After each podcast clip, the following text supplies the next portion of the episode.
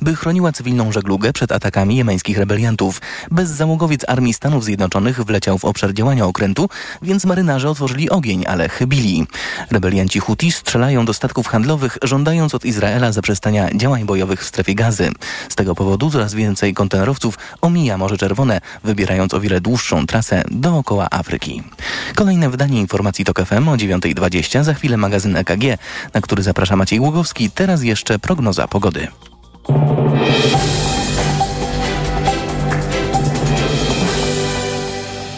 Sponsorem programu jest japońska firma Daikin. Producent pomp ciepła, klimatyzatorów i oczyszczaczy powietrza. www.daikin.pl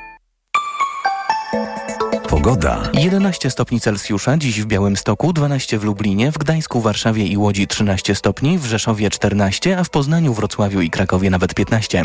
Raczej pochmurno, synoptycy zapowiadają słaby deszcz od Dolnego przez Górny Śląsk po Podkarpacie. Sprawdźmy jeszcze, czym oddychamy. Sponsorem programu była japońska firma Daikin. Producent pomp ciepła, klimatyzatorów i oczyszczaczy powietrza. www.daikin.pl Sponsorem programu jest japońska firma Daikin. Producent pomp ciepła, klimatyzatorów i oczyszczaczy powietrza. www.daikin.pl Zaledwie dostateczna jakość powietrza w Poznaniu i Łodzi, podobnie w Rzeszowie, Szczecinie i Wrocławiu, a w Krakowie miejscami nie ma co owijać bawełnę po prostu zła. Raport smogowy w TOK FM codziennie po 9 i po 17. Sponsorem programu była japońska firma Daikin. Producent pomp ciepła, klimatyzatorów i oczyszczaczy powietrza. www.daikin.pl Radio TOK FM. Pierwsze radio informacyjne. Sponsorem programu jest Nestbank, oferujący konto i kredyt dla firm. Nestbank.pl EKG. Ekonomia, kapitał, gospodarka. I jest 9.06, to jest magazyn EKG. Maciej Głogowski, dzień dobry. A dziś naszym gościem jest pan Janusz Piechociński, były minister gospodarki i były lider PSL. Dzień dobry. Dzień dobry, witam. A pan co by zrobił, mając e, protesty rolników w Polsce, gdyby mógł dziś decydować? No, po pierwsze, zapobiegać, a nie leczyć.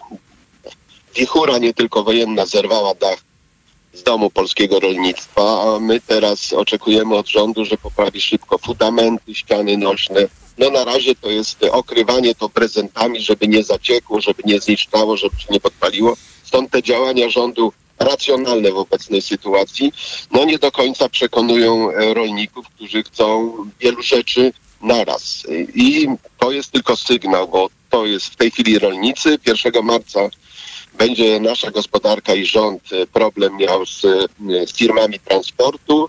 W trudnej sytuacji jest polskie mleczarstwo, więc tu pokazuje bardzo wyraźnie, że mimo, że jest ten pozytywny, optymistyczny i entuzjastycznie i słusznie przyjęte odblokowanie prawie 7 miliardów euro, wreszcie KPO staje się realny, ale oprócz tego już wiemy, jak olbrzymią robotę trzeba wykonać, no to powiedzmy sobie wprost, poprzedni rząd, zajmując się bardzo ładnymi, także z, na czele z ministrami rolnictwa, konferencjami prasowymi o interwencjach, lokalnych półkach, powołaniu Polskiej Grupy Spożywczej, zastanawianiu się, czy Orlen nie powinien czasami jakiejś żabki przejąć, czy zbudować alternatywy dla y, zagranicznej sieci dyskontów w Polsce. Ładnie to brzmiało, ale to, to wszystko jasne, panie premierze, tylko nie odpowiedział pan na moje pytanie, co można teraz zrobić, nawet mając świadomość, że wiele rzeczy mogło się wydarzyć wcześniej lub poprzednicy dzisiejszego rządu dopuścili się zaniechań. Co teraz? No tak, tylko skala zaniechań, łącznie z nieaktywnością, brakiem wyobraźni i liderowaniem polskiego komisarza rolnictwa. No nie zapominajmy o tym, że znaczna część problemów wsi i rolnictwa jest rozstrzygana także w ramach wspólnej polityki Janusz Wojciechowski, były, były pana tak? przełożony w Polskim Stronnictwie Ludowym. Zajmuje rywar funkcję prezesa e, w Polskim Stronnictwie Ludowym, tylko zwracam uwagę, że wtedy w Polskim Stronnictwie Ludowym i dzisiaj nie było przekonania do tego, żeby brać na siebie funkcję komisarza do spraw rolnictwa. Dlaczego? Dlatego, że ten komisarz razem e, e, musiałby wypracowywać kompromisy, a Polska razem z Francją i innymi rolnictwami Europy Środkowo-Wschodniej powinna grać na skrzydle tych procesów i pilnować także swoich interesów. To jeśli My pan, jeśli pan nie chce powiedzieć Ameryka, tego, panie Chiny- prezesie, Nie, nie, ale to panie, nie, panie nie, redaktorze, panie prezesie, musimy uporządkować tę naszą rozmowę tak, żebyśmy doszli do jakichś konstruktywnych wniosków i mogli pójść krok dalej w pokazywaniu tej historii rolnictwa. Na świecie ceny zboża, ziarna są niskie, dużo niższe niż można było się spodziewać. Mieliśmy dobry urodzaj, ziarna jest, y, panie premierze, Proszę pozwolić mi, nie, nie widzimy się dziś, więc musimy się jakoś dogadać, osiągnąć porozumienie także w tej naszej rozmowie co do jej przebiegu. Ziarna jest dużo, były dobre zbiory, pewnie też będą y, znowu dobre. Mamy ziarno także w Polsce i nadwyżkę w całej Unii Europejskiej. Wczoraj gdzieś padła taka informacja z ust premiera o jakimś skupie y, przez rząd. To się musi odbyć za pośrednictwem Unii Europejskiej. Co można zrobić we wspólnocie z tym ziarnem, które jest, żeby ono Unię Europejską opuściło, a rolnikom pozwoliło e, zasypać e, e, swoje spichlerze, elewatory, czy co tam, nowym ziarnem tegorocznym. no, wykorzystać choćby mechanizmy ONZ-u wsparcia dla krajów. Szacuje się, że około miliarda ludzi nie dojada albo jest w strefie głody. Tak? Nawet Po za darmo? drugie, nawet za darmo w ramach tych pomocowych ONZ-owskich rozwiązań. Bo jako Pamięta Unię to pan- chyba nas na to stać. Nie, to nie tylko w kategoriach pieniądza, bo podobne zjawisko występuje też i w zachodniej Europie. Y, Jeżeli Francja, Włochy i Hiszpania mówi o utylizacji miliarda litrów wina, no to to pokazuje, jakie są wyzwania. Tak? No, Mówmy tutaj konkretnie. W związku z tym to tąpnięcie roku 22, kiedy z taką łatwością na konferencjach prasowych mówiono o tym, oto Maroko ogłosi przetarg na 1 milion ton. No i skończyło się namówieniem. Teraz najważniejsze nie tylko w zbożu, to jest odzyskiwanie rynków. Nowi szefowi resortów gospodarczych, dyplomacja i cieszę się na przykład, że ostatnio spotkał się minister spraw zagranicznych z ministrem spraw zagranicznych Chin. Bardzo liczę na wyjazd pana prezydenta z ministrem polskiego rolnictwa, z ministrem polskiego rozwoju do Chin, żeby wreszcie przestać gadać o tej możliwości eksportu polskiej wołowiny na tamtejszy rynek.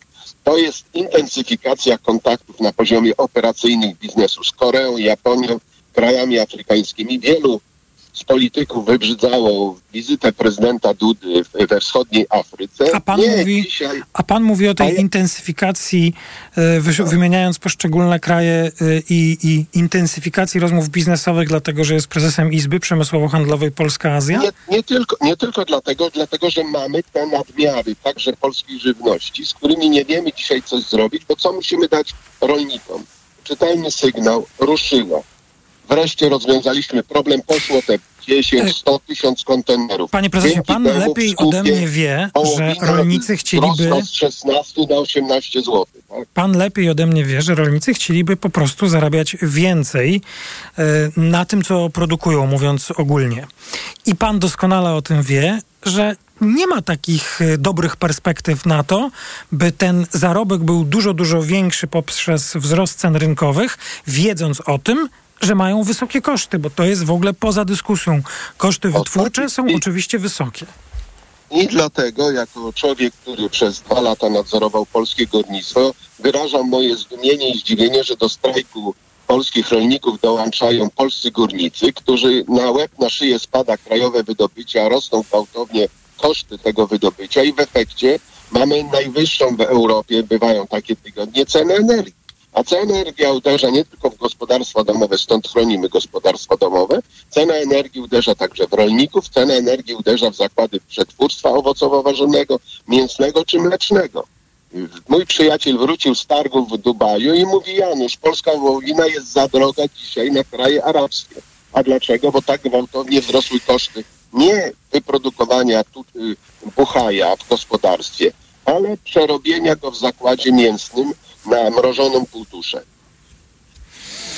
To, co, co zrozumiałem z na, naszej rozmowy, co, co jest jakimś podsumowaniem pierwszej części, y, tego, o czym już zdążyliśmy dzisiaj powiedzieć, to mm, Pana propozycja, by nadwyżki zboża, które są w Europie, przekazać w ten region świata, w te regiony świata, które są, cierpią głód y, i to jest wspólna polityka unijna, a nie tylko troska polskiego rządu, jak rozumiem.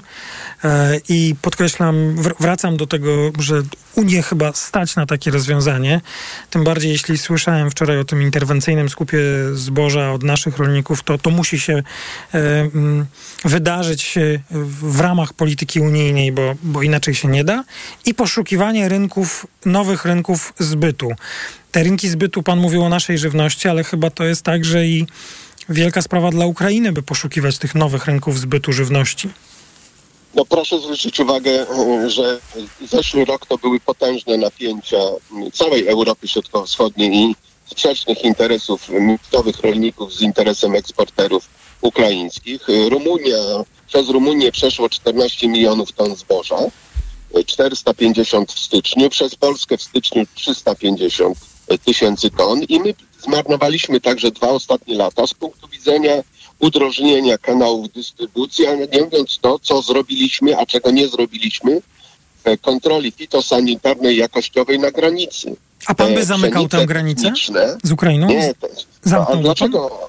Ale to nie jest kwestia zamknięcia, to jest kwestia po prostu wiedzenia, co, na jakich warunkach przy jakim opodatkowaniu nie. zgodnie z zasadami unijnymi do Polski czy do innego to, kraju Europy Środkowo-Wschodniej wchodzi. To jest jasne, panie premierze, ale pan wie, że no, te sformułowania y, o zamknięciu granicy, one padają i tak jak zresztą mówił i pan premier i dzisiaj, y, czy wczoraj ministrowie, dzisiaj powtórzył kolejny przedstawiciel rządu, opcja ta zawsze leży na stole, tylko no, jest y, skrajną opcją, bo no. y, y, akcja wzbudza reakcję. No, będzie, będzie musiała być retorsja gospodarcza, która wcale dla nas nie musi być korzystna, bo mamy nadwyżkę w, w tym tak handlu. Jak, tak jak korzystając z okazji przy wysyłaniu żołnierzy NATO na teren Ukrainy, żeby tam zabezpieczali coś, to taka dyskusja publiczna nam nie jest niepotrzebna. Tak samo eskalacja napięcia, wymiany ciosów pod tytułem my, my wam nie wpuścimy takich towarów i drugich wolę iść drogą wspólnej inicjatywy Polskiej Izby Mleka i odpowiednika ukraińskiego, który mówi dogadajmy się,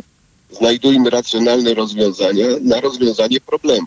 Dlatego, że y, możemy oczywiście wymagać od świata, żeby kupował polskie produkty. To już nie tylko chodzi o konflikt y, graniczny Polska-Ukraina w handlu nie tylko produktami spożywczymi, tylko jak chcemy sprzedawać, skoro zakazujemy kupowania w drugą stronę. W związku z tym pójście na totalną konfrontację nie tylko z Ukrainą, nie tylko w obszarze pszenicy, miodu, jajek czy y, drobiu, to jest może fajne hasło w czasie, kiedy rolnicy manifestują i radykałowie je podejmują, tylko nie rozwiązuje problemu. Ja zachęcam do intensyfikacji dobrze przygotowanych akcji z wejściem polskiej żywności na utracone albo odbijanie rynków, z których z różnych powodów zeszliśmy. No, tym bardziej, że jeśli się będziemy musieli odwołać do tych najbardziej radykalnych rozwiązań w ograniczeniu handlu między Polską a Ukrainą, to, e, to i naszą pozycję na tamtejszym rynku ktoś zajmie. I wtedy za jakiś czas powrócimy no, do rozmowy, pan, jak odbudować wydawało, się. Wydawało się, że pszenica techniczna na granicach jako produkt powinna nas czegoś nauczyć, po czym okazuje się, że po kilku tygodniach mówimy o oleju technicznym. Więc tak, z jakie, nauką... Może, jaką, jaką, jaką tworzymy wiarygodność co do jakości żywności dostępnej na polskim rynku dla Polaków i polskiej żywności w eksporcie? I z tym My pytaniem... mamy korzenie, który, z których żyjemy. Z tym pytaniem państwa zostawiamy. Bardzo dziękuję panu za rozmowę. Pan Janusz Piechociński, obecnie prezes Izby Przemysłowo-Handlowej Polska-Azja, a oczywiście były minister gospodarki i były lider Polskiego Stronnictwa Ludowego. To była pierwsza część magazynu EKG. Słyszymy się po informacjach w komentatorskim, piątkowym podsumowaniu tygodnia. EKG. Ekonomia, kapitał, gospodarka. Sponsorem programu był Nestbank, oferujący konto i kredyt dla firm. Nestbank.pl Reklama. Kupuj wygodnie i płać mniej! Lodówka Samsung z AI Energy. Najniższa cena z ostatnich 30 dni przed obniżką to 3399 zł. Teraz za 2499 zł. Taniej o 840 zł. Pobierz aplikację MediaMarkt i zgarniaj korzyści. MediaMarkt. Co można kupić za 40 groszy? Kostki czekolady, pół jajka albo dzienną porcję witamin i minerałów, bo tylko tyle kosztuje jedna tabletka ActiVitaminer Senior D3. Suplementy diety ActiVitaminer Senior D3 to witaminy i minerały wzbogacone aż o 2000 jednostek witaminy D3, tak potrzebnej jesienią i zimą. ActiVitaminer Senior D3 znajdziesz w swojej aptece w bardzo dobrej cenie. Witamina D pomaga w prawidłowym funkcjonowaniu układu odpornościowego. Aflofarm. Więcej na vitaminer.pl. Mariolka, miałam ci dać cynk, jak będą super promocje w Media Expert. To teraz słuchaj. Do poniedziałku mają weekend mega rabatów. Super produkty w super niskich cenach. No mówię ci. Co za dzień. Co się stało? Rano kłótnia z Bartkiem, a zaraz czeka mnie prezentacja w pracy. Szkoda nerwów, działaj szybko. Weź Meliski. Meliski? Tak, suplement diety Meliski to mój ratunek w stresujących sytuacjach. Pastylki do ssania, które dzięki zawartości wyciągu z ziela melisy wspierają utrzymanie uczucia odprężenia. Czyli to takie pastylki antystresowe? Dokładnie. A ponieważ to pastylki, to szybko rozpuszczają się w ustach. Dzięki. Zawsze mogę na ciebie liczyć. Na mnie i na Meliski. Gdy stres bliski, weź Meliski. Teraz bez cukru. Aflofarm. Reklama. Radio TOK FM. Pierwsze radio informacyjne. Informacje TOK FM. Dochodzi 9.20. Piotr Jaśkowiak, zapraszam. Rolnicy spotkali się z premierem, ale i tak zamierzają po raz kolejny protestować w Warszawie. Wczorajsze rozmowy zakończyły się bez przełomu. Czekamy na działania typowej osoby decyzyjnej, jaką jest premier. Premier nie ma nic przeciwko blokadom i uważam, że rolnicy powinni wytrwać, bo to jest jedno ze źródeł wywarcia presji nie tylko na polski rząd, ale również na Unię Europejską i na sąsiednie kraje. Rząd bierze pod uwagę nawet zamknięcie granicy z Ukrainą. Chciałabym, by miesięczny rachunek za prąd dla gospodarstwa domowego nie wzrósł o więcej niż 30 zł, mówi minister klimatu. Resort Pauliny Henning-Kloski szykuje się do uwolnienia zamrożonych na razie cen energii. Są różne modele działania i jesteśmy na dobrej drodze, żeby wybrać właściwe, twierdzi minister w rozmowie z Polsat News. Dotychczasowe ceny prądu mają obowiązywać do końca czerwca. Na moskiewskim cmentarzu ma dzisiaj spocząć czołowy rosyjski opozycjonista. Aleksiej Nawalny zmarł dwa tygodnie temu, odsiadując karę więzienia w Łagrze za kołem podbiegunowym. Nie wiadomo ilu ludzi będzie mogło wziąć udział w pogrzebie. Będzie mu się z całą pewnością uważnie przyglądała rosyjska bezpieka. Za kraty trafiło kilkuset manifestantów, którzy wyszli na ulicę po śmierci Nawalnego. Wciąż nie znamy oficjalnej przyczyny śmierci opozycjonisty. Władze długo nie chciały wydać ciała rodzinie. Szef szwajcarskiego banku centralnego rezygnuje po 12 latach na stanowisku. Tomasz Jordan nie tłumaczy dlaczego. Dotąd nie mówiło się o jego odejściu. W ubiegłym roku musiał stawić czoła kryzysowi w banku Credit Suisse i nadzorował jego sprzedaż bankowi UPS. To są informacje TOK FM. Bóbr, który zadomowił się nad Morskim Okiem w Tatrach, przetrwał kolejną zimę. Z końcem lutego wyszedł z Żeremia w okolicy dwoistej Siklawy, a jego ślady są wyraźnie widoczne na śniegu, przekazał leśniczy Parku Narodowego Grzegorz Bryniarski. Wysokie partie Tatr były do 2021 roku zupełnie obcym środowiskiem dla bobrów. Tego roku jednak w Morskim Oku pojawił się bóbr pionier, wzbudzając przyrodniczą sensację. Więcej informacji w TOK FM o 9.40. Pogoda. Zachmurzenie będzie umiarkowane, a momentami duże. Będzie padać, ale słabo od Dolnego Śląska po Podkarpacie. W Krakowie, Poznaniu i Wrocławiu nawet 15 stopni Celsjusza, w Toruniu i Bydgoszczy 14, w Łodzi, Warszawie i Trójmieście 13, 12 stopni w Lublinie, a 11 w Białymstoku. Radio TOK FM. Pierwsze radio informacyjne. EKG. Ekonomia, kapitał, gospodarka. To jest druga część magazynu EKG. Maciej Głogowski, dzień dobry. A w naszym studiu od mojej lewej Marek Hondzyński, czystagospodarka.pl. Dzień dobry. Dzień dobry. Sylwia Czubkowska, między innymi y, współautorka podcastu Tekstorie na tokafm.pl. Dzień dobry. Dzień dobry. I Jolanta Ojczyk, Business Insider. Dzień dobry. Dzień dobry. A bo ja was nie uprzedziłem w ogóle, że dzisiaj zaczynamy od zdziwień naszą oh. rozmowę. No, spoko. Wszyscy, wszyscy wychodzą? Nie, ja jestem przygotowana jak nigdy. Ja mam nawet dwa do wyboru. No, widzisz, to ma, ma, możesz Jolancie później jedno i oddać. Sylwia. Dobrze, moje największe zdziwienie oczywiście dotyczy tematu, który mnie w tym tygodniu, w ostatnich dniach w ogóle najbardziej fascynował, czyli protestu młodych filmowców, którzy sobie wywalczyli zmiany. Zobaczymy, czy wywalczyli, ale na razie wywalczyli zmiany w nowelizacji ustawy o prawach autorskich. Od początku, czyli ziemia tak. była gorąca. Ziemia była gorąca. Zmieniły się sposoby oglądania i sprzedawania i zarabiania na filmach yy, i zmienił się też potencjalnie sposób wynagradzania za to, czyli um, otantiemowanie produkcji, które są no, pokazywane w streamingach. Jest to już prawie w całej Europie, tak naprawdę wynika z dużej noweli, dużych nowelizacji. Prawie, bo nie w Polsce. Prawie. Znaczy tylko w Polsce nie ma, tylko Polska No, jest brawo. ostatnim Polska krajem. jest ostatnim krajem, ale są dwa kraje, w których ten, to jest troszeczkę inaczej prawnie rozwiązane, ale jakby nie było wynagrodzenie idzie. Wynika to tak naprawdę z dosyć starej dyrektywy unijnej, bo starej, bo z 2019 roku, która do tej pory w Polsce nie została wdrożona. Działy się wokół niej przeróżne, naprawdę dziwne historie yy, i wydawało się już, że nawet nowy rząd nie uwzględni tych wniosków właśnie z środowiska filmowego i nie, nie, nie wprowadzi tych um, tantiem od um, serwisów streamingowych. I Czyli nagle... od y, y, filmów, które są, czy seriali, Filmów, seriali, które są publikowane. w, właśnie w tych y, W plat- inter- na platformach. Na platformach, Na platformach VOD. Na Tak. platformach VOD. Że kiedy chcemy, to sobie oglądamy. Płacimy abonament i jaki film, kiedy chcemy, Najważniejsze oglądamy. jest to, że takie tantiemy są od produkcji kinowych, od produkcji telewizyjnych pokazywanych w kinie, w telewizji, nawet na kasetach y, wideo, których już Jeśli nie ma. pamięta. Albo CD. Tak. Y, wywalczyli to młodzi filmowcy, po tym jak przez dwa lata naprawdę walczyło bardzo mocno środowisko filmowe, bardzo mocno. Tam mm, szły przeróżne argumenty, takie czasami wręcz y, drastyczne. Wyszło środowisko młodych, mało rozpoznawalnych, w sensie to nie są twarze z pierwszych z takich, nie wiem, y, największych premier kinowych i wywalczyli sobie te, te tantiemy. Ale co jest moim Taką zaskoczeniem? deklarację złożył minister kultury. Tak. Taką deklarację złożył minister Sienkiewicz wczoraj. To jest trochę moim zaskoczeniem, ale jeszcze większym moim zaskoczeniem jest to, co minister Sienkiewicz powiedział na briefingu wczoraj.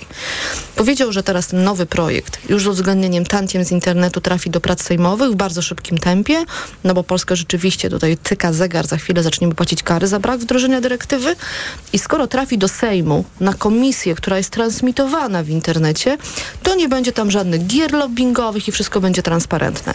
I to jest moje zaskoczenie, bo albo pan minister jest bardzo naiwny, albo jest bardzo niewinny, jeżeli mu się wydaje, że gry lobbyingowe to odchodzą najmocniej na komisjach sejmowych. Bo do tej pory te gry lobbyingowe najmocniej odchodziły w Ministerstwie Kultury, również pod jego zarządem.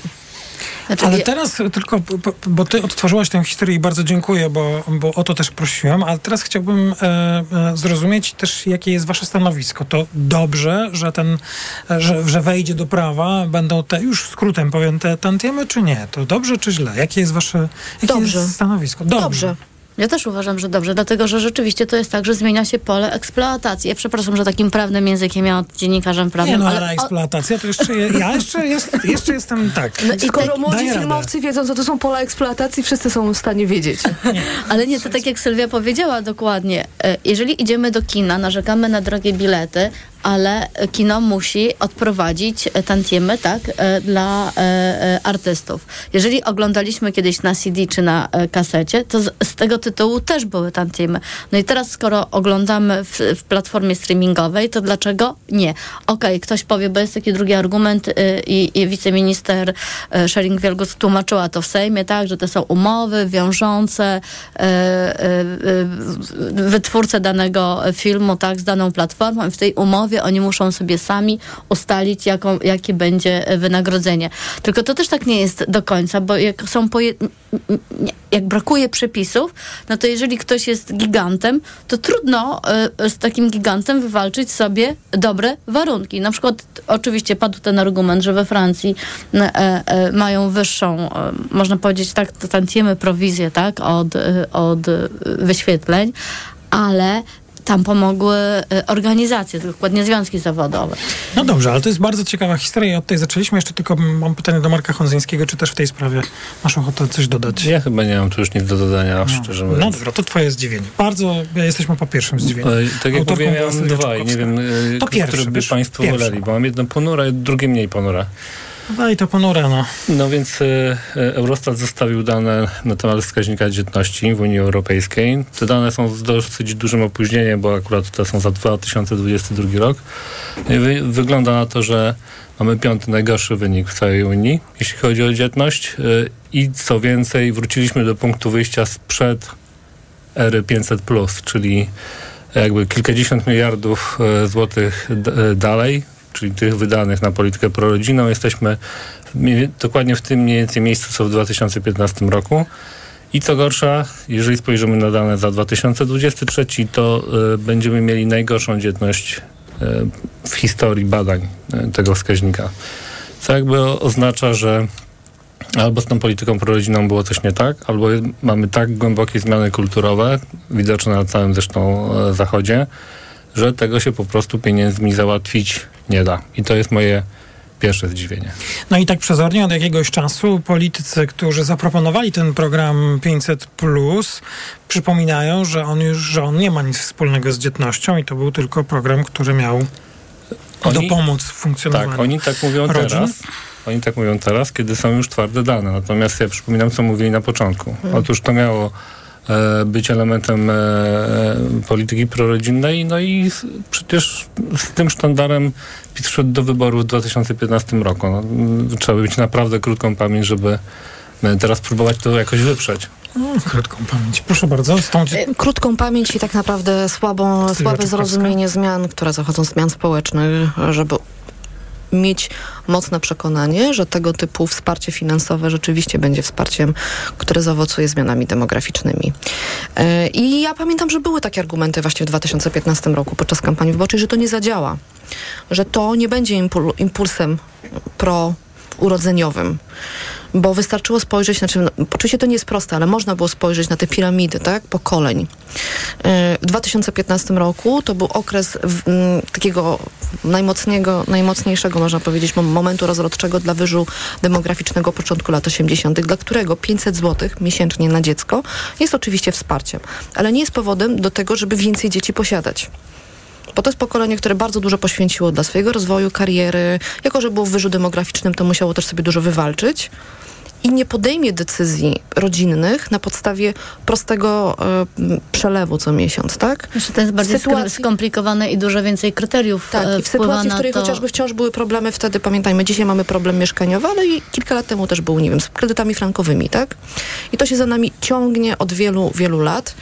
I mm, bardzo to była krótkowzroczna polityka, tylko i wyłącznie oba, e, opa- znaczy tak pra- naprawdę przemyślana na kampanie wyborcze, co nie znaczy, że 500 plus czy dzisiaj 800 plus nie ma pozytywnych efektów. Ono ma dużo pozytywnych efektów, ale no nie no tak, pro, ale to jest nie głównie efekt prorodzinne, socjalny. no. To jest Tak. efekt socjalny polegający na tym, że po prostu Transfer. e, to jest tra- transfer. Wspomagamy, y, chciałem powiedzieć, tych, którzy tej pomocy potrzebują, ale także dotujemy Nie, tych, którzy no, mniej jej Tak, nie tylko. Wspomagamy wszystkich, którzy mają dzieci, mówiąc krótko. Natomiast e, mm, ja jeszcze na jedną rzecz chciałem zwrócić uwagę. Moim zdaniem to nie jest już tylko kwestia braku polityki mieszkaniowej na przykład, której nie dorobiliśmy się przez Nie dorobiliśmy się po Nigdy. prostu. Nie dorobiliśmy Właściwie się. nigdy, a wydaje mi się, że to jest tak, taka główna bariera teraz, e, jeśli chodzi o tą kwestię ekonomiczną e, przed posiadaniem dzieci, ale też jest wyraźna zmiana społeczna e, w sensie takim, że po prostu rodziny z dziećmi, mam wrażenie, źle się czują w miejscach publicznych na przykład.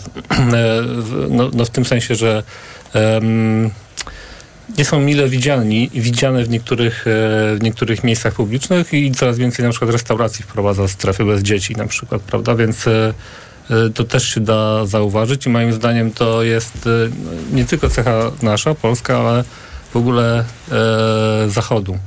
I to, o czym mówiła Sylwia, tak? Czyli e, prze, przeniesienie tych akcentów, co jest dla mnie w życiu ważne. Jeżeli ważny jest dla mnie rozwój, praca zawodowa, no to w naturalny sposób dzieci schodzą na, na drugi plan. Ale to są kwestie zmian społecznych, Ale takiego aż tak z tym nastawienia. niepromowaniem. E, Znaczy, ja mam trochę inny pogląd, nie zgadzam się tutaj do końca. E, e, Jestem mamą dwójki, dzieci może już trochę większych, bardziej teraz na, na, na, na, nastolatek. E, I e, okej, są wprowadzane e, e, takie strefy rzeczywiście, ale to nie znaczy, że nie ma miejsc też dla e, rodzin z dziećmi. Ja bym powiedziała, że inne są problemy. Problemem jest takim, że nie mamy zaufania do systemu oświaty. O ile jeszcze przedszkole jakoś tam funkcjonują, ale trudno się do niego dostać, tak? Nie ma żłobków, nie ma miejsc w przedszkolach, e, edukacja e, w szkole, no, jakby w końcu mówi się o tym głośno, że jeżeli nie mamy e, dziadków pod ręką albo kogoś innego, no to musimy mieć pewność, że przez dwa miesiące wakacji zapewnimy tym naszym dzieciom opiekę, bo gdzie indziej jej nie dostaną. Tak, to jest bardzo trudne, jeżeli ktoś na początku kariery ma 20 dni urlopu, a potem ma 26 e, dni urlopu. E, A jeżeli rodzice, a często też tak jest, tak, że rodzice jeszcze pracują, więc no, nie będzie tej instytucji e, babci w domu. Mm, To jest jedna rzecz. Druga, dostęp do opieki zdrowotnej. Wbrew pozorom to też jest bardzo, no, no, to jest problem, tak? I dużo jest właśnie takich problemów, które i powiem inaczej, ktoś się zastanawia, może o tym nie myśli, tak? Ale jak po pierwszym, jak, jakby przed pierwszym dzieckiem. Pierwsze dziecko jest taką decyzją, e, myślę, że nie, nie do końca Spontaniczną. spontaniczną i nieprzemyślaną. Ale my chyba nie mówimy o pierwszym dziecku, No tak, bo tylko o drugim. pokoleń następuje No. przy 2 plus 2 przynajmniej, tak? A u nas Dokładnie problem tak. jest przejściem z 2 plus 1 na 2 plus Na- 2. Dokładnie. I to A jest wtedy to system, To jest system nas widoczne właśnie przy pokoleniach, które zaczęły wchodzić w dorosłość w pokoleniach lat 80. Tak? ja Czyli powiem wyż demograficzny nie rodzi wyżu demograficznego. Bo ja powiem, bo miałam dwa zdziwienia, tak powiedziałam, że nie mam, tylko miałam takie na sam koniec, więc bardziej, e, bardziej lekkie, ale jednak zdziwienia, bo jedno zdziwienie wynika z e, jakby e, działań podjętych przez Ministerstwo Edukacji. Tak, mieliśmy dwie, mamy zmiany cięcia w podstawie programowej. Ja sobie te zmiany tak na szybko przejrzałam i po prostu to w ogóle jakby ja, ja zakładam jako rodzic, tak, który ma dzieci e, w szkole, że nie o takie zmiany nam chodziło. Nie, mi nie wystarczy, że e, wyrzucimy e, część rzeczy z geografii, ale dalej dzieci na geografii nie będą, będą się uczyły właśnie, jaki był wskaźnik dzietności w 2018, w 2019, a nie ma ani słowa o tym, że jest coś takiego jak GUS czy Eurostat i można sobie wejść, sprawdzić i teraz umieć czytać te dane, tak?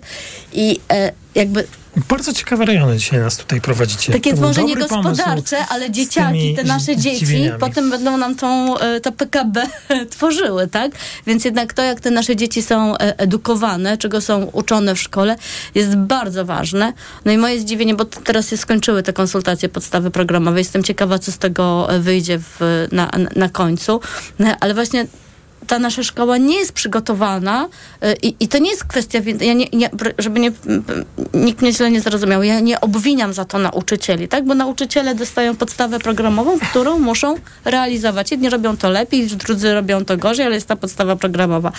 Jednak zakładałam, że jak y, po zmianie władzy będzie takie kompleksowe podejście, Czy prawdziwa reforma edukacji, Prawdziwa a nie takie reforma miotanie edukacji. się takie, prawda? Właśnie nawet nie wiadomo, Że co co to jest. To lata- wykreślimy coś, dodamy coś, lektury wykreślimy. To To tutaj... puenta od Sylwii. Tak, właśnie zamiast prawdziwej reformy Czapkowska? edukacji, która byłaby przemyślana, też po pierwsze, biorąc pod uwagę zmiany, to jest dosyć ważne, demograficzne. My mamy przecież, ja tutaj mogę mówić e, niestety, bo nie pamiętam dokładnej liczby, ale pewnie około 20, 200 tysięcy e, uczniów z Ukrainy w edukacji powszechnej w Polsce.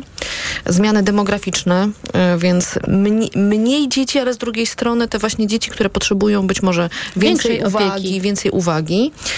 Zmiany wynikające po prostu ze zmian w świecie. Tak? Gdzie jest edukacja medialna? E, przepraszam, ale higiena cyfrowa, informacji. higiena cyfrowa, o której mówią dzisiaj ministrowie cyfryzacji i edukacji, to nie jest edukacja medialna. To nie jest prawdziwa zmiana w edukacji.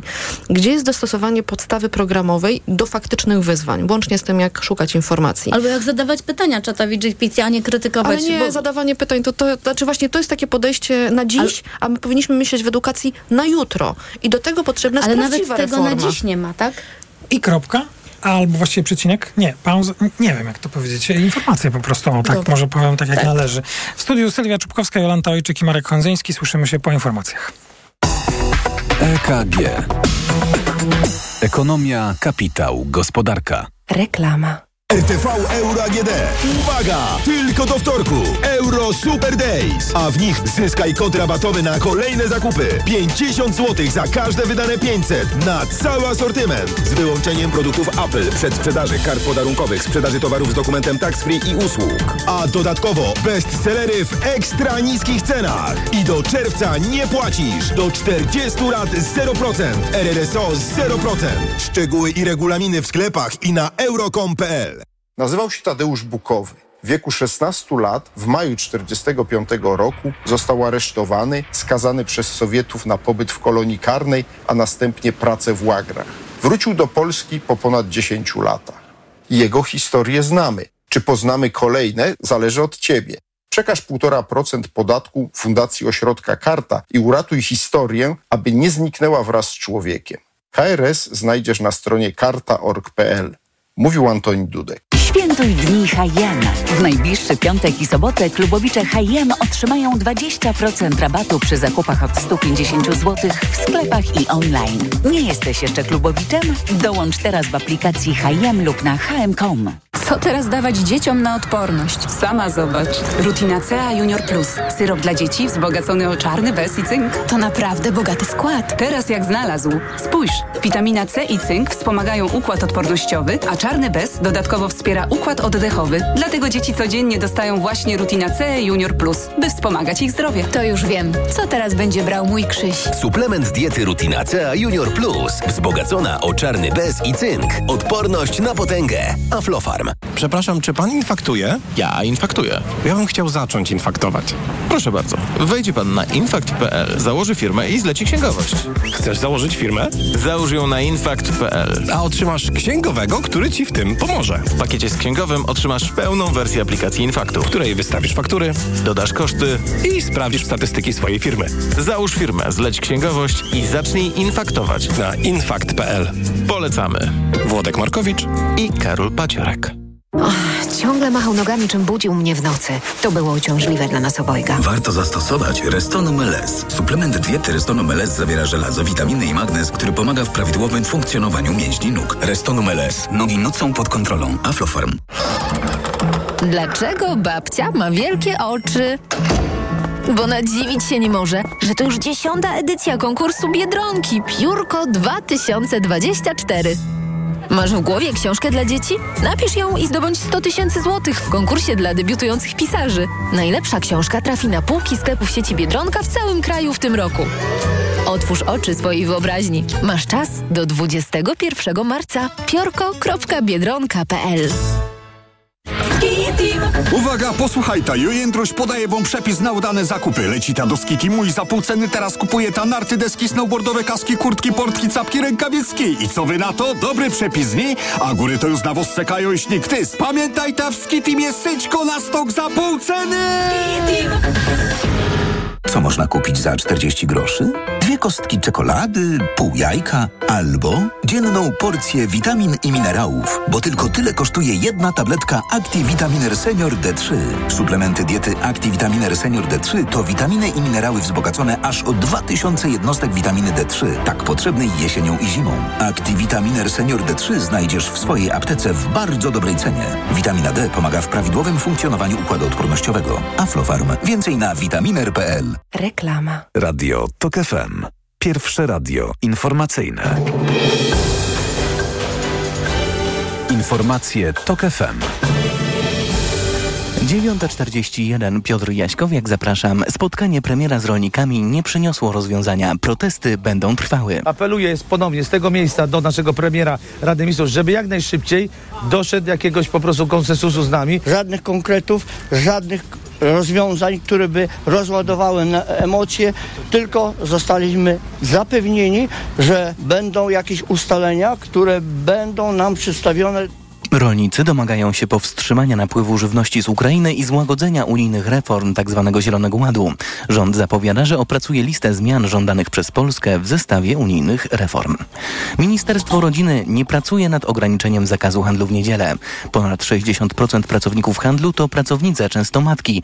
To osoby, które chciałyby spędzić weekend ze swoją rodziną, ze swoimi dziećmi, powiedziała szefowa resortu Agnieszka Dziemianowicz-Bąk w Polsat News. W tym roku jest 7 niedziel z otwartymi sklepami. Najbliższa tydzień przed Wielkanocą 24 marca. Słuchasz informacji TOK FM. Izraelska armia otworzyła ogień do Palestyńczyków, którzy tłoczyli się w pobliżu konwoju rozdającego żywność. Wybuchła panika. Ludzie zaczęli się tratować. Ponad 100 osób zginęło. Rzecznik Sił Obronnych Izraela twierdzi, że żołnierze oddali kilka strzałów ostrzegawczych, by rozgonić tłum, który napadł na ciężarówki z pomocą. W pogrążonej od października w wojnie strefie gazy zaczyna brakować jedzenia. Według organizacji terrorystycznej Hamas, która rządzi w tym regionie, liczba ofiar śmiertelnych izraelskiej operacji wojskowej przekroczyła już 30 tysięcy. Hamas nadal przetrzymuje ponad 100 zakładników, których uprowadził z Izraela niemal 5 miesięcy temu podczas ataku, który rozpoczął wojnę. Pierwszy od pół wieku amerykański lądownik księżycowy stracił zasilanie i raczej zakończył misję. Na Srebrnym Globie zapadła noc. Promienie słońca nie padają już na jego panele fotowoltaiczne i konstruktorzy nie mają wielkich nadziei na to, że Odyseusz obudzi się za trzy tygodnie. Sonda osiadła na powierzchni Księżyca w niewłaściwej pozycji. Zapoczątkowała jednak zlecone przez amerykańską agencję kosmiczną loty, które mają dostarczać ładunki na Srebrny Glob, zanim za kilka lat wylądują tam astronauci. Kolejne wydanie informacji TOK FM o 10. Pogoda. W najcieplejszym momencie piątku od 11 stopni Celsjusza w Białymstoku przez 13 w Gdańsku, Warszawie i Łodzi do 15 w Poznaniu, Wrocławiu i Krakowie. Pochmurno meteorolodzy przewidują słaby deszcz od Dolnego Śląska przez Górny Śląsk po Podkarpacie. Radio TOK FM. Pierwsze radio informacyjne. Sponsorem programu jest Nestbank, oferujący konto i kredyt dla firm. Nestbank.pl EKG.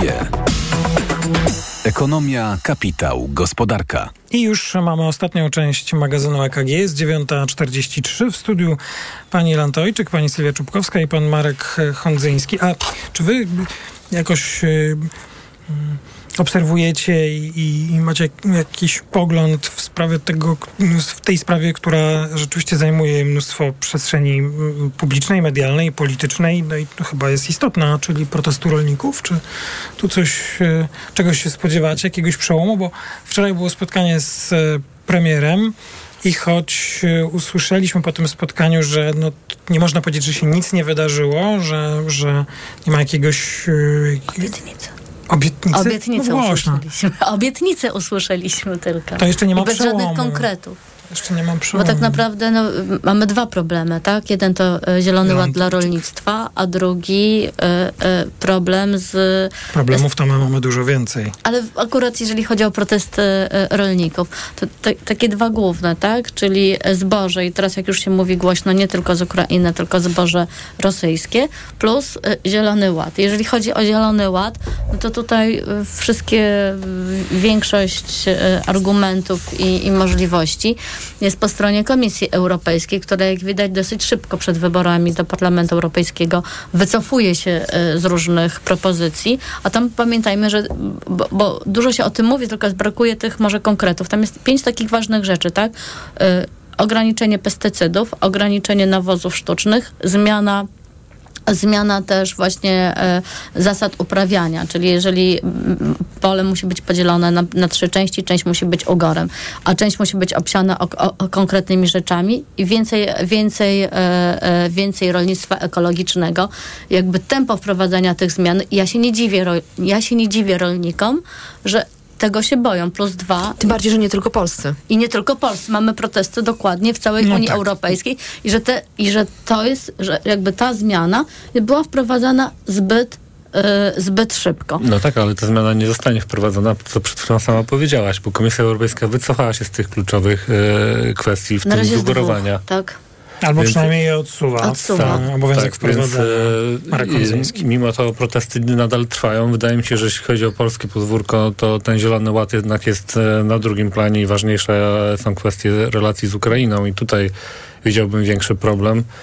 Mm, No i nie, za, nie zanosi się na przełom w tej sprawie, no bo właściwie czym ten przełom miałby być? To jest takie bardziej pytanie otwarte, bo ja w sumie nie wiem, czym miałby być. To ja Czy dokładnie to, co chciałam Mielibyśmy powiedzieć. zamknąć całkowicie Ukra- e, granicę z Ukrainą, to wydaje mi się po pierwsze niemożliwe, a po drugie też nierozsądne. A też nie tylko mamy problem z, ze zbożem i z granicą e, z Ukrainą, tak? Że ten problem jest bardziej skomplikowany. I to, co chciałam powiedzieć, że problem związany właśnie z Zielonym Ładem i Komisją Europejską jest po tamtej stronie i jest rozwiązywany, a my zostajemy z dużo większym na tu i teraz problemem z, e, z cenami zbóż i z A opłacalnością to już, produkcji. jest, e, to już jest też, można powiedzieć, światowy problem. Jak się obserwuje te ceny zbóż, one są po prostu, no, nie powiem niskie, ale dużo niższe.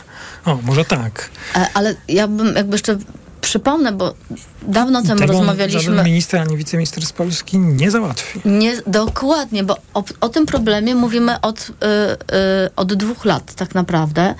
Y, I pamiętacie, jak były wprowadzone te niby transporty, monitoring, y, tak? Te No tiry. właśnie ja to tak nie pamiętam, jak było wprowadzone. Były Było- obietnice. Było- Były Było- obietnice. Ale nie, to ja wprowadzenia. widziałam, widziałam taki jadący transport z jednej i z drugiej okej. strony e, służba celna jechała, ja się nawet dziwiłam, że nasze państwo stać... Czyli na obrazku dobrze, tylko systemowo. Tak Systemowo. się nie udało. Dokładnie tak, dokładnie tak. I, i, i do tej pory nie ma żadn- żadnej konkretnej propozycji. No dobrze. Propozycje propozycjami, ale tak naprawdę i to jest jakiś bardzo ważny problem, który obserwujemy i który będzie narastał. Są te protesty wykorzystywane bardzo mocno w wojnie hybrydowej, tak, w wojnie informacyjnej. I ja do końca nie wiem, czy rolnicy są tego świadomi, czy też tym grają. Czy, czy, czy, czy są świadomi tego, że są wykorzystywani? Ja tak? myślę, że nie możemy uogólniać. Część pewnie ma tą świadomość, część się poddaje y, w- inaczej, korzysta z tego korzysta, korzysta być może z tego, tak naprawdę, że ich narracje, nawet te wszystkie plakaty, które widzieliśmy, znaczy te płachty z tymi hasłami tam o Putinie robiącym porządek w Polsce, może być wykorzystywana, znaczy może być taka myśl, że to może być mocnym argumentem właśnie w stronę polskiego rządu, żeby zatrzymać tą narrację, tak? Ja wiem, że taka pokrętna logika, ale ja sobie jestem to w stanie naprawdę wyobrazić. I też patrząc na te negocjacje, które się dzieją, no one są bardzo twarde, nie? I tam żaden mi- wiceminister y, Ko- Kołodziejczyk nie wystarcza jednak w tym wszystkim. No dobrze, to na razie tu się zatrzymamy.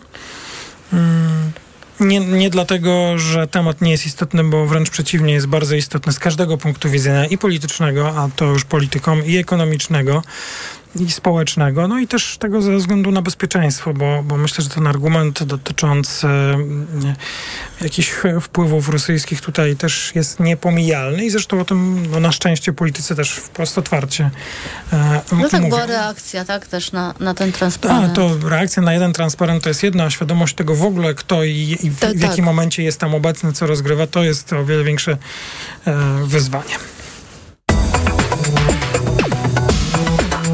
EKG. No, no to e, za dużo tej statystyki dzisiaj nie mamy do przekazania, ale ponieważ jest początek miesiąca, więc tylko informacyjnie. E,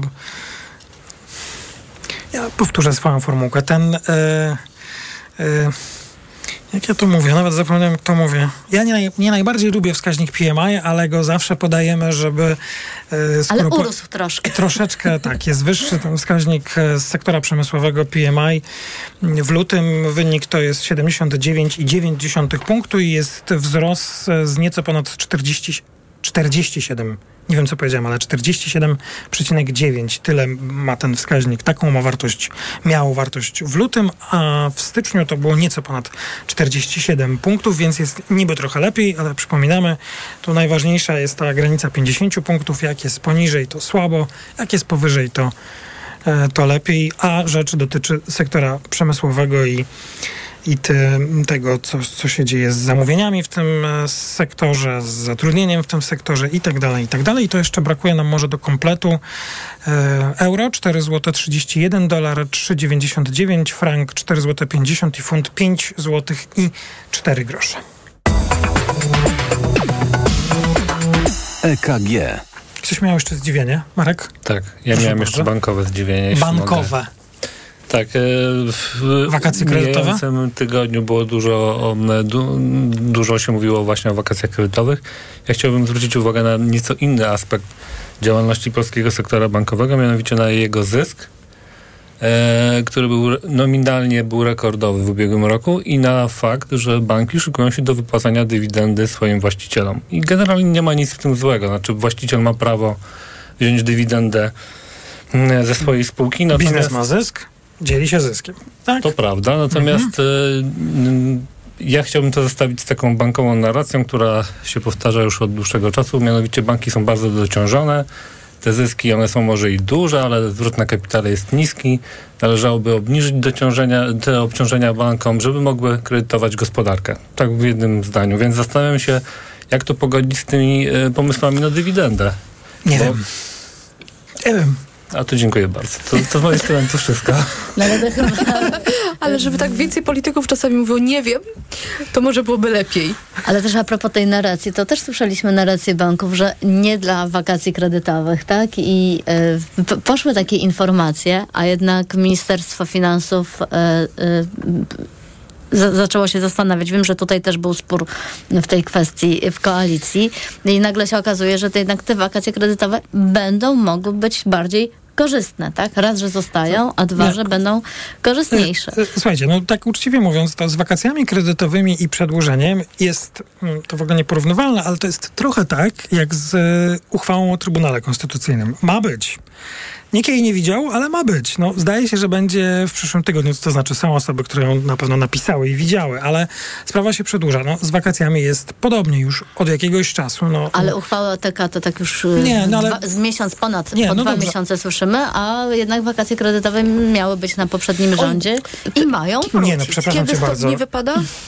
Nie no, rządu? zaraz, zaraz, zaraz, zaraz. 21 Halo. albo 22 marca. To na 21 marca będzie. Nie no, ale przepraszam cię bardzo, ale wakacje kredytowe na ten rok przecież mają być... Już no, powinny no, być. No, no tak, bo ten kwartał już trwa, trwa, więc... tak. Ale ja mówię tylko o tym dlatego, że mm, mm, wcale nie jestem pewien, kiedy się ten projekt pojawi. Słyszeliśmy tę zapowiedź, że może przyszły tydzień, ale wczoraj też w magazynie EKG słyszałem przewodniczącego Komisji Gospodarki Sejmowej, pana posła Ryszarda Petru, który mówił, będę namawiał koleżanki i kolegów, żeby nie popierali. Bo sama idea wakacji kredytowych jest dyskusyjna. Znaczy, ja, ja nie do A końca... ty to zestawiłeś jeszcze z zyskami banków i Tak. dywidendami, więc to w ogóle jest ciekawa Tak, historia. tak. No, ja nie, nie jestem zwolennikiem tego rozwiązania. Wydaje mi się, że rzeczywiście jeśli jest potrzebna pomoc kredytobiorcom, to ona, ona powinna być celowana i oferowana tym, którzy naprawdę jej potrzebują, a Czyli nie fundusz wsparcia, a to nie tak bankowcy wszystkim. trochę mówią, że Natomiast będą wydaje mi się, że, Że jeśli, jeśli chodzi o kwestię No. dywidendy i tej, tego narzekania banków, e, jak bardzo są obciążone, jak ciężko im, prawda, trudno im e, finansować gospodarkę, to ten, ten aspekt wydaje mi się ciekawszy, bo jakby wzięcie 70% zysku na dywidendę e, w obliczu tak dużych problemów z kredytowaniem gospodarki wydaje mi się jakimś objawem chyba, no nie wiem, nieodpowiedzialności ze strony właścicieli albo Albo przynajmniej rozjazdu narracji. Tak, no nazwijmy to w ten sposób. Bardzo ciekawe zdziwienie. Mamy czas na jeszcze jedno. Tak? Proszę bardzo, Jan Tojczyk. To może ja powiem e, trochę też kontrowersyjnie, bo mamy wybranego e, kandydata na prokuratora krajowego, tak? W poniedziałek były Tak. przesłuchania. E, pierwszy raz była taka formuła. I ja się jednak zastanawiam cały czas, bo prezydent milczy, tak? W tej No, ale sprawie. na co, co jest zdziwieniem? Zdziwienie, co zrobi prezydent? Bo jednak wszyscy oczekiwali, wiem, że niektórzy oczekiwali, że chociaż jakiś tweet, cokolwiek się pojawi, tak? A tutaj prezydent milczy. No i ciekawe jestem, co później, co później zrobią, co zrobi premier y, i minister sprawiedliwości. bo- Przypomnijmy tylko, y, żeby formalnie, zgodnie z ustawą, odwołać prokuratora krajowego jest zgoda prezydenta. Pisemna, żeby odwołać, a żeby Odwołać. powołać, Powołać jest opinia. Opinia, tylko opinia. I teraz pytanie, co jest opinią? I tutaj ja, moje... Ale czy brak opinii jest opinią? Moim zdaniem brak opinii będzie potraktowany jako wiążąca pozytywna opinia. Koniec, kropka. Pan prezydent, jak wiadomo, twierdzi, że e, nie doszło do poprawnego odwołania, a rząd twierdzi, że nie odwołał pana, jak on się nazywał, pan, pana Barskiego, Barskiego. tylko że pan Barski nie został powołany. No, bo był niepoprawnie powołany, więc trudno było go odwołać. Nie, ależ abstrahując od tych wszystkich takich niuansów e, prawnych, widzimy w sądach, że mamy problem z tego powodu, tak? Dzisiaj kolejne, e, oczywiście tutaj ktoś powie, że mamy spór neosędziów, bo to neo, że neosędziowie e, podważają wnioski skierowane przez prokuratorów nominowanych przez teraz obecnie, tak, pełniącego obowiązki prokuratora Bielewicza e, i to takie konkretne, tak, czyli że nie, nie zasądzenie aresztu. To już jest jakby no taka skutek bardzo poważny, no ale z drugiej strony mamy też tą sprawę pani e, prokurator e, Zapaśnik ze, ze Szczecina, gdzie finał będziemy mieli 13 marca e, i znaczy to może nie jest zdziwienie, tak? Ale ja jakby z niepokojem oczekuję, jak, jak ten spór się skończy. Czy, Znaczy, kto czyje decyzje uznaje, tak? kto czyje decyzje uznaje. I tu nie, bez oceniania, tak? Tak. Myślę, że to będzie bardzo ważne dla, e, dla takiego szeroko rozumianego wymiaru sprawiedliwości. Ja bym ryzykowną tezę postawię, że to wszystko minie. Tak. Ja myślę, Nie że to będziemy się wygasi. pamiętać Ja myślę, że jeszcze za A ja myślę, że adwokaci, obrońcy będą pamiętać okej, będą, i będą jasne. wykorzystywać. I ni- pytanie, czy to będzie, e, czy to dla nas, czym to się dla nas No skończy? dlatego mówię, że moja teza jest ryzykowna. Jak już pan Korneluk zostanie powołany, e, zacznie urzędować, pracować, to mam wrażenie, że to wszystko minie, ale może ja się mylę. Jestem zbyt naiwny, ktoś powie i tyle. Zakończyliśmy dzisiejsze wydanie magazynu EKG. Co wy na to? To już wszystko, co e, mamy do powiedzenia wspólnie dzisiaj. Pani Elan Tojczyk, Business Insider, bardzo dziękuję. Pani Sylwia Czubkowska, między innymi współautorka podcastu Techstorie na TokFM.pl, bardzo dziękuję. I pan Marek Hondzyński, czystagospodarka.pl, również dziękuję. Audycję przygotowała Olga Tanajewska, realizowała Liwia Prądzyńska. Kolejne wydanie magazynu EKG w poniedziałek po dziewiątej. Maciej Głogowski, do usłyszenia. EKG. Ekonomia, kapitał, gospodarka. Sponsorem programu był Nestbank, oferujący konto i kredyt dla firm. Nestbank.pl Kłaniamy się nisko. Mariusz Szypura i Kamil Wróblewski. Mariusz Szypura, czyli Silver Rocket, będzie gościem audycji Między Słowami w Radiu Tok FM w najbliższą sobotę o godzinie 20. Będziemy rozmawiali o najnowszej płycie Silver Rocket Infinity Fidelity. O Dolby Atmos, jak się robi w Dolby Atmos oraz o wizualizacjach i o czterech płytach w jednej. W sumie tak, można by też powiedzieć. Do usłyszenia.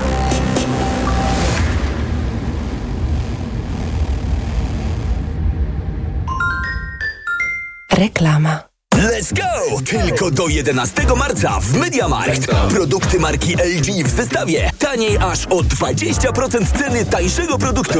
Łącz dowolnie dwa produkty i wybieraj sprzęt. Szczegóły w regulaminie. MediaMarkt. Lubisz ryzyko? Z nami możesz wygrać więcej niż myślisz. Dołącz do nowego programu. Tylko dla mężczyzn. Sprawdź się na ryzykanci.pl. Zapraszam. Zygmunt Heiser. Co teraz dawać dzieciom na odporność? Sama zobacz. Rutina C Junior Plus. Syrop dla dzieci wzbogacony o czarny bez i cynk. To naprawdę bogaty skład. Teraz jak znalazł. Spójrz, witamina C i cynk wspomagają układ odpornościowy, a czarny bez dodatkowo wspiera układ oddechowy. Dlatego dzieci codziennie dostają właśnie Rutina C Junior Plus, by wspomagać ich zdrowie. To już wiem. Co teraz będzie brał mój Krzyś? Suplement diety Rutina C Junior Plus. Wzbogacona o czarny bez i cynk. Odporność na potęgę. Aflofarm. Za Twój czas, za odwagę, za zmaganie się z przeciwnościami, za to, że się nie poddajesz, za robienie czegoś dla innych, za bycie razem. Związek Organizacji WRZOS dziękuję za kolejny wspólnie spędzony rok. Wszystkim działającym w stowarzyszeniach, fundacjach, klubach sportowych, lokalnych grupach działania, OSP oraz kołach gospodyń wiejskich. Wasze zaangażowanie dla lokalnej społeczności jest bezcenne. www.wrzos.org.pl Dzieci są różne, tak samo jak kaszel, który je męczy.